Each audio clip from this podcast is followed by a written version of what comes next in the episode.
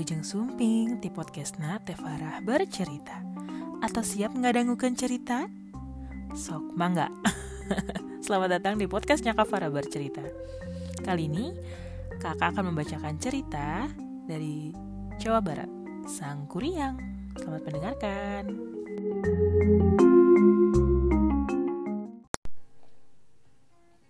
Pada zaman dahulu kala, ada sepasang dewa-dewi yang dikutuk menjadi hewan.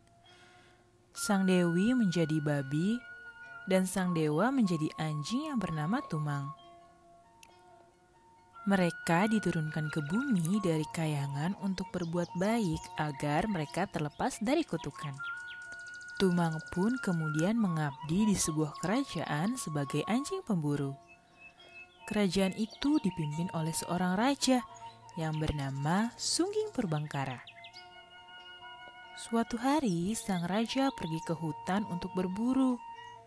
Di tengah-tengah perburuannya, ia hendak buang air kecil. Pengawal, tunggu sebentar. Aku ingin buang air kecil di balik semak-semak itu. Kalian tunggulah di sini. Ujar sang raja. Kemudian sang raja pergi ke balik semak-semak dan buang air kecil di sana air seninya tergenang di atas daun caring. Seekor babi jelmaan sang dewi yang sedang mencari air kemudian meminum air seni tersebut, sehingga sang dewi pun menjadi hamil. Beberapa bulan kemudian, ia melahirkan seorang bayi perempuan mungil yang sangat cantik.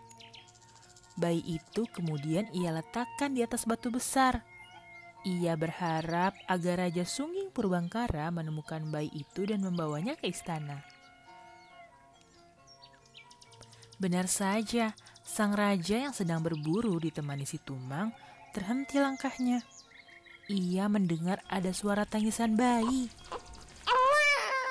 Apa aku tidak salah dengar? Ada suara bayi di tengah hutan begini. Dari mana asal suara itu? Ujar heran Raja Sungging dalam hati. Kemudian ditemani si Tumang, sang raja pun pergi mencari asal suara tersebut.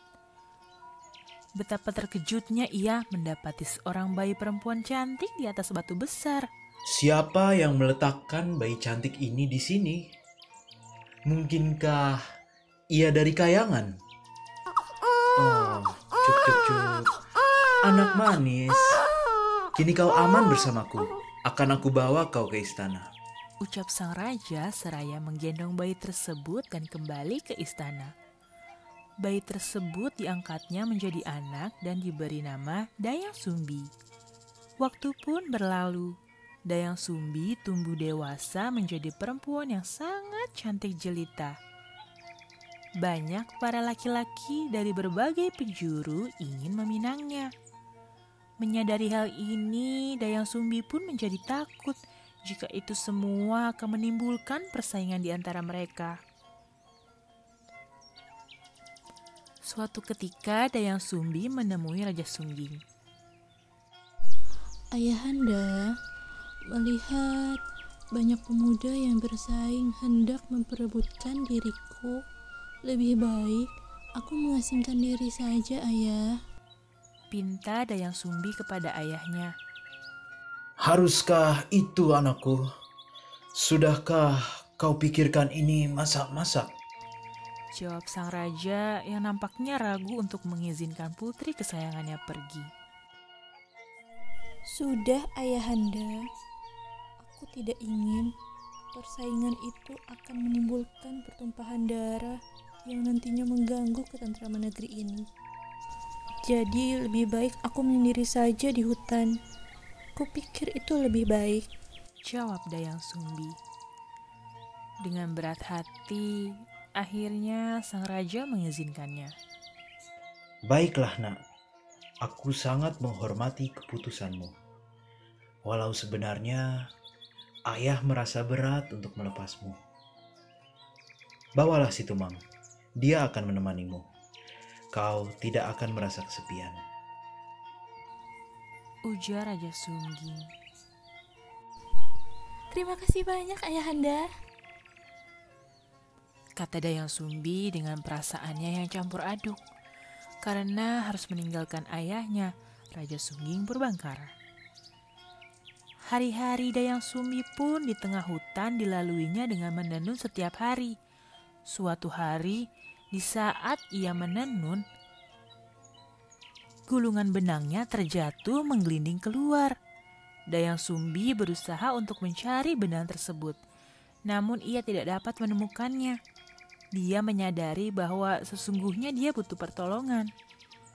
Kemudian ia bergumam, Baiklah, barang siapa yang dapat menemukan gulungan benang tersebut, jika ia perempuan, maka akan aku jadikan ia sebagai saudariku. Namun, jika ia laki-laki, maka akan aku jadikan ia sebagai suamiku. Tak lama datanglah si Tumang membawa gulungan benang dengan menggigitnya. Dayang Sumbi melihatnya dengan penuh kebimbangan. Tumang, kau yang menemukannya. Baiklah, sesuai dengan janjiku, kini kau kujadikan suamiku. Ujar Dayang Sumbi sambil mengelus kepala si Tumang. Namun, tiba-tiba Tumang berubah wujud menjadi seorang pemuda yang tampan. Dayang Sumbi pun terkejut. Si, si siapa kau? Maaf Tuan Putri, aku Tumang. Sebenarnya aku adalah dewa dari kayangan yang dikutuk menjadi anjing. Tapi aku harap hal ini dapat kau rahasiakan dan biarlah menjadi rahasia kita saja. Kata Tumang menjelaskan pada Dayang Sumbi dan kemudian berubah kembali menjadi anjing. Akhirnya mereka pun menikah dan dikaruniai seorang putra yang tampan bernama Sang Kuryang. Sang Kuryang tumbuh menjadi anak yang tampan dan kuat. Suatu hari Dayang Sumbi ingin sekali makan hati rusa. Dipanggilnya Sang Kuryang kemudian. Anakku, kemarilah. Panggil Dayang Sumbi penuh sayang. Ibu sedang ingin sekali makan hati rusa. Bisakah kau mencarikannya untukku, nak? Tentu ibu, apa pun akan aku lakukan untukmu. Terima kasih, nak. Pergilah bersama Tumang ya. Baik, Bu. Ayo, Tumang, kita akan mendapatkan hati rusa itu untuk ibuku. Kemudian pergilah sang kuryang ke hutan. Namun, tak satu pun rusa yang berhasil ia tangkap. Hari pun mulai petang. Tak lama seekor babi yang merupakan jelmaan Dewi melintas. Sang kuryang kemudian mengarahkan anak panahnya. Tumang yang mengetahui babi tersebut merupakan jelmaan sang dewi, menghalau anak panahnya tersebut hingga meleset. Sang kuryang amat kesal. Ah, Tumang, kau telah membuat buruanku kabur. Kata sang kuryang yang kemudian tak sengaja melepaskan anak panahnya. Yang akhirnya mengenai kepala Tumang. Tumang pun akhirnya tewas.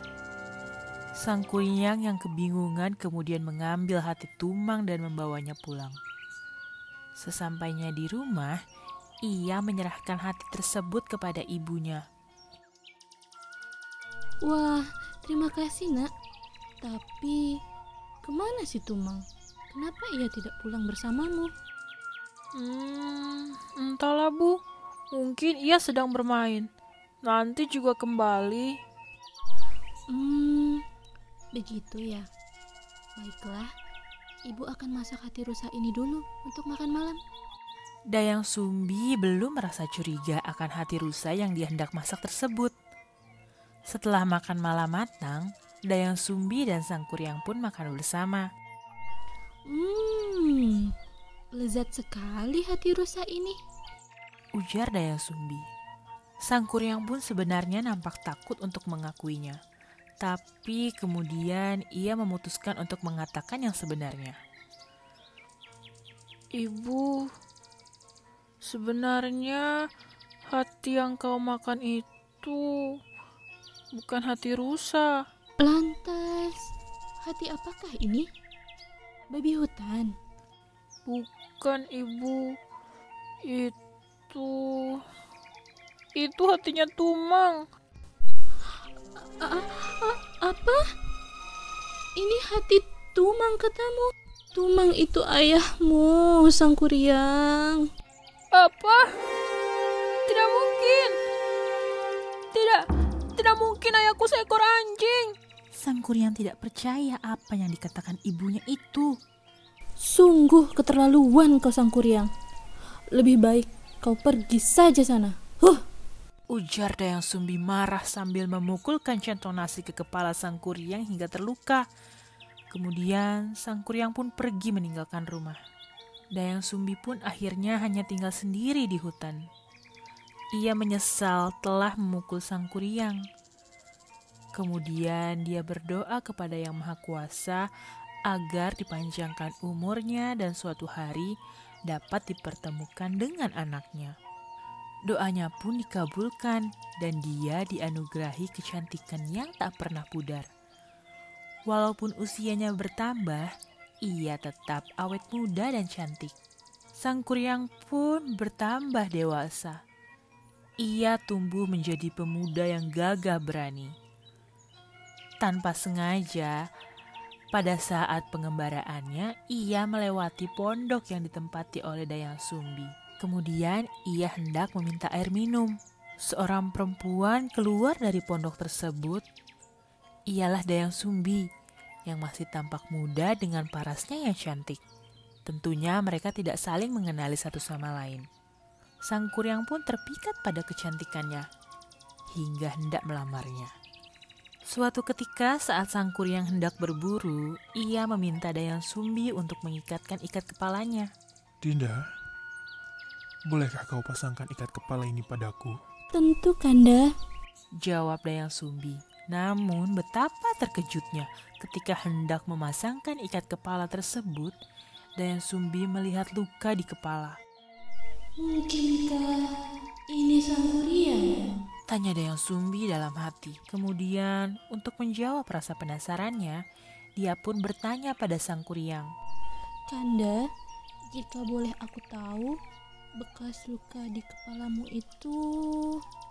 Kemudian, belum sempat Dayang Sumbi menyelesaikan kalimatnya, Sang Kuryang langsung menjawab. Ah, iya. Ini bekas luka di kepalaku karena ibuku yang memukulnya. Kaukah Sang Kuryang? Ini aku ibumu, nak. Dayang Sumbi pun terkejut mendengar penjelasan dari Sang Kuryang. Ia berusaha untuk memberitahukan yang sebenarnya pada Sang Kuryang. Apa-apaan kau ini, Dinda? Tidak mungkin kau ibuku. Ibuku seharusnya sudah tua, tidak semuda dan cantik seperti kau saat ini. Benar itu Sang Kuryang. Kau adalah anakku. Kita tidak bisa menikah. Ah, ini semua cuma alasanmu saja untuk menolak lamaranku. Aku tidak mau tahu. Kau harus menjadi istriku. Tidak kehabisan akal, Dayang Sumbi pun berusaha untuk mencegah ini semua terjadi. Kemudian ia mengajukan dua syarat kepada Sang Kuryang. Baiklah, kau boleh menikahiku, asal dapat memenuhi dua syarat.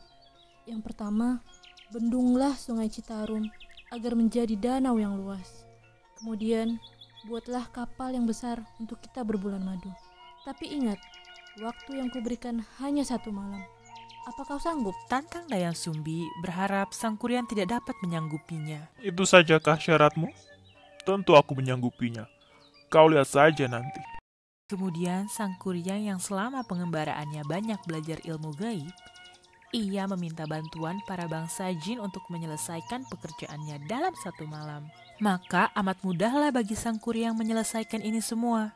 Mengetahui bahwa pekerjaan Sang Kuryang hampir selesai, Dayang Sumbi mulai cemas. Ia berusaha mencari cara untuk menggagalkan ini semua. Dayang Sumbi meminta bantuan masyarakat untuk memukul alu dan menyalakan api agar langit terang benderang seperti pagi.